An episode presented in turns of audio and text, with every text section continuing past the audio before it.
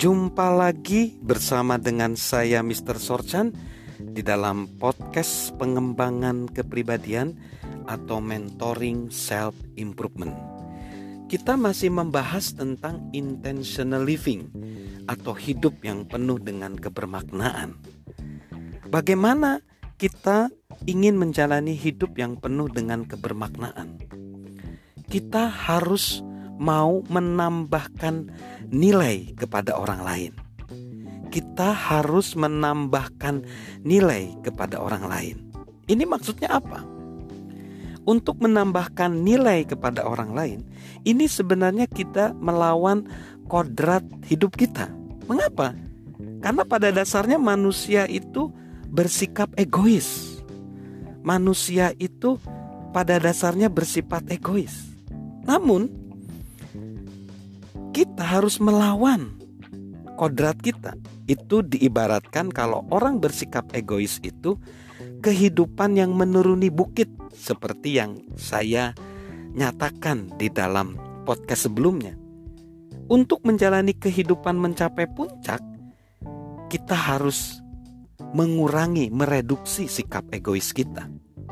Nah, bagaimana caranya supaya kita bisa menjalani hidup yang bermakna. Yang pertama, setiap hari tambahkan nilai kepada orang lain. Setiap hari tambahkan nilai kepada orang lain. Di dalam podcast tentang kapasitas relasional, kita membahas tentang bagaimana menghargai orang lain.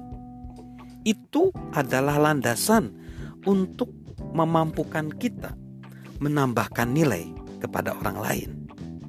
Siapa pun tidak akan bisa menambahkan nilai kepada orang lain kalau dia tidak menghargai orang lain.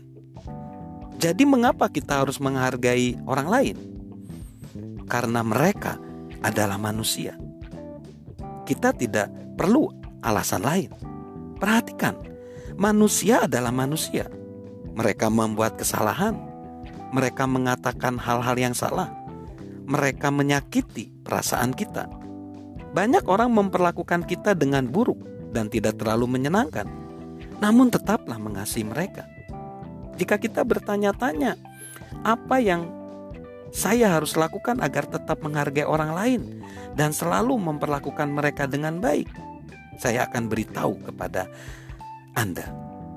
Saya benar-benar mengamati diri sendiri dengan realistis. Tidak ada yang lebih mendorong saya untuk menghargai orang lain daripada mengamati diri sendiri. Saya mengatakan dan melakukan banyak hal bodoh selama bertahun-tahun. Saat saya melakukan kesalahan, keinginan terbesar saya adalah orang lain mengabaikan kebodohan saya, bersikap lembut kepada saya dan memaafkan saya. Hanya mereka yang bisa melakukan untuk saya. Jika memang itu keinginan saya, sepatutnya saya juga melakukan hal yang sama terhadap orang lain. Kita semua bercacat, kita semua membuat kesalahan, kita semua saling menyakiti, kita semua membutuhkan kelembutan. Sesederhana ini, saya akan memperlakukan orang lain sebagaimana saya ingin diperlakukan oleh mereka.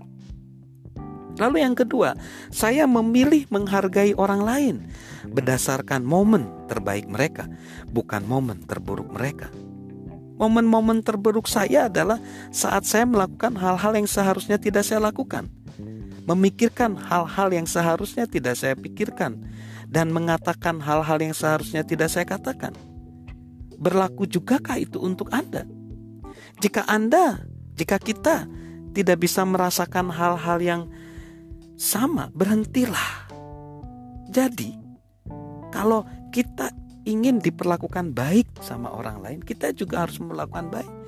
Jangan melihat orang lain saat momen-momen terburuk mereka, jangan, karena kita juga tidak diperlaku, tidak ingin diperlakukan seperti itu. Lalu yang ketiga, saya percaya orang lain memiliki kapasitas untuk bertumbuh dan membaik.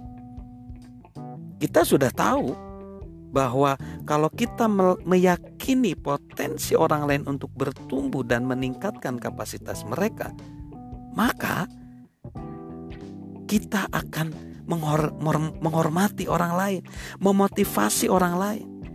Kalau kita menganggap remeh orang lain, itu namanya tidak menambah nilai kepada orang lain.